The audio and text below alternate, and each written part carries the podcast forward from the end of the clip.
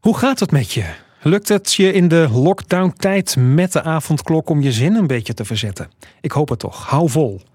Ik ben Remco van Schellen van Omroep Zeeland en samen met herinneringskrant Zeeuws Weerzien duik ik elke week in het verleden met Ali Bart dit keer. Ali, goedemorgen. Goedemorgen Remco. Het voordeel van de avondklok is dat je lekker de tijd hebt om oude foto's te bekijken. Eh, nou, dat komt er niet van hoor. Ik zit s'avonds altijd gezellig met mijn vrouw Rummy Cup te spelen. Wie wint er dan?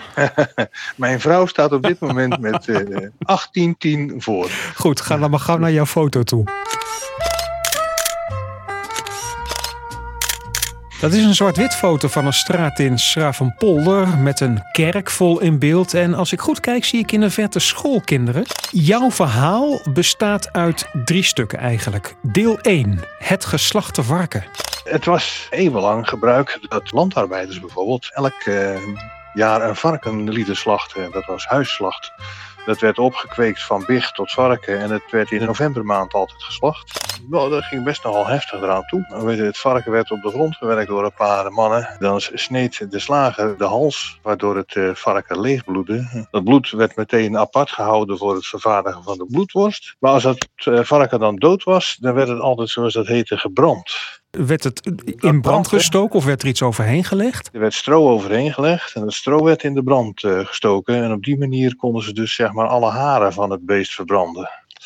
En dan stond gegarandeerd de hele jeugd die stond om de slager heen uh, en uh, begon dan te bedelen om een zwitje. Een zwirtje? Dat is een reepje huid met spek van het varken. En daar kon je dan lekker op zuigen en opeten. We ja. gaan naar deel 2. Wat gebeurde er met die jonge leerling met ADHD op school? Nou, het was ook in die tijd nog gebruikelijk als het nodig was. Dan kreeg een kind gewoon van de meester een slag om zijn kop hoor. Wees hm. eens rustig. Hm. Er zat er één jongetje in de klas. Die nam, uh, mag je toch wel zeggen, wraak. Weet je, die kwam op een gegeven ogenblik in november. kwam die met een zakje met zwitjes bij zijn meester. En twee dagen later kwam het jongetje vragen aan de meester.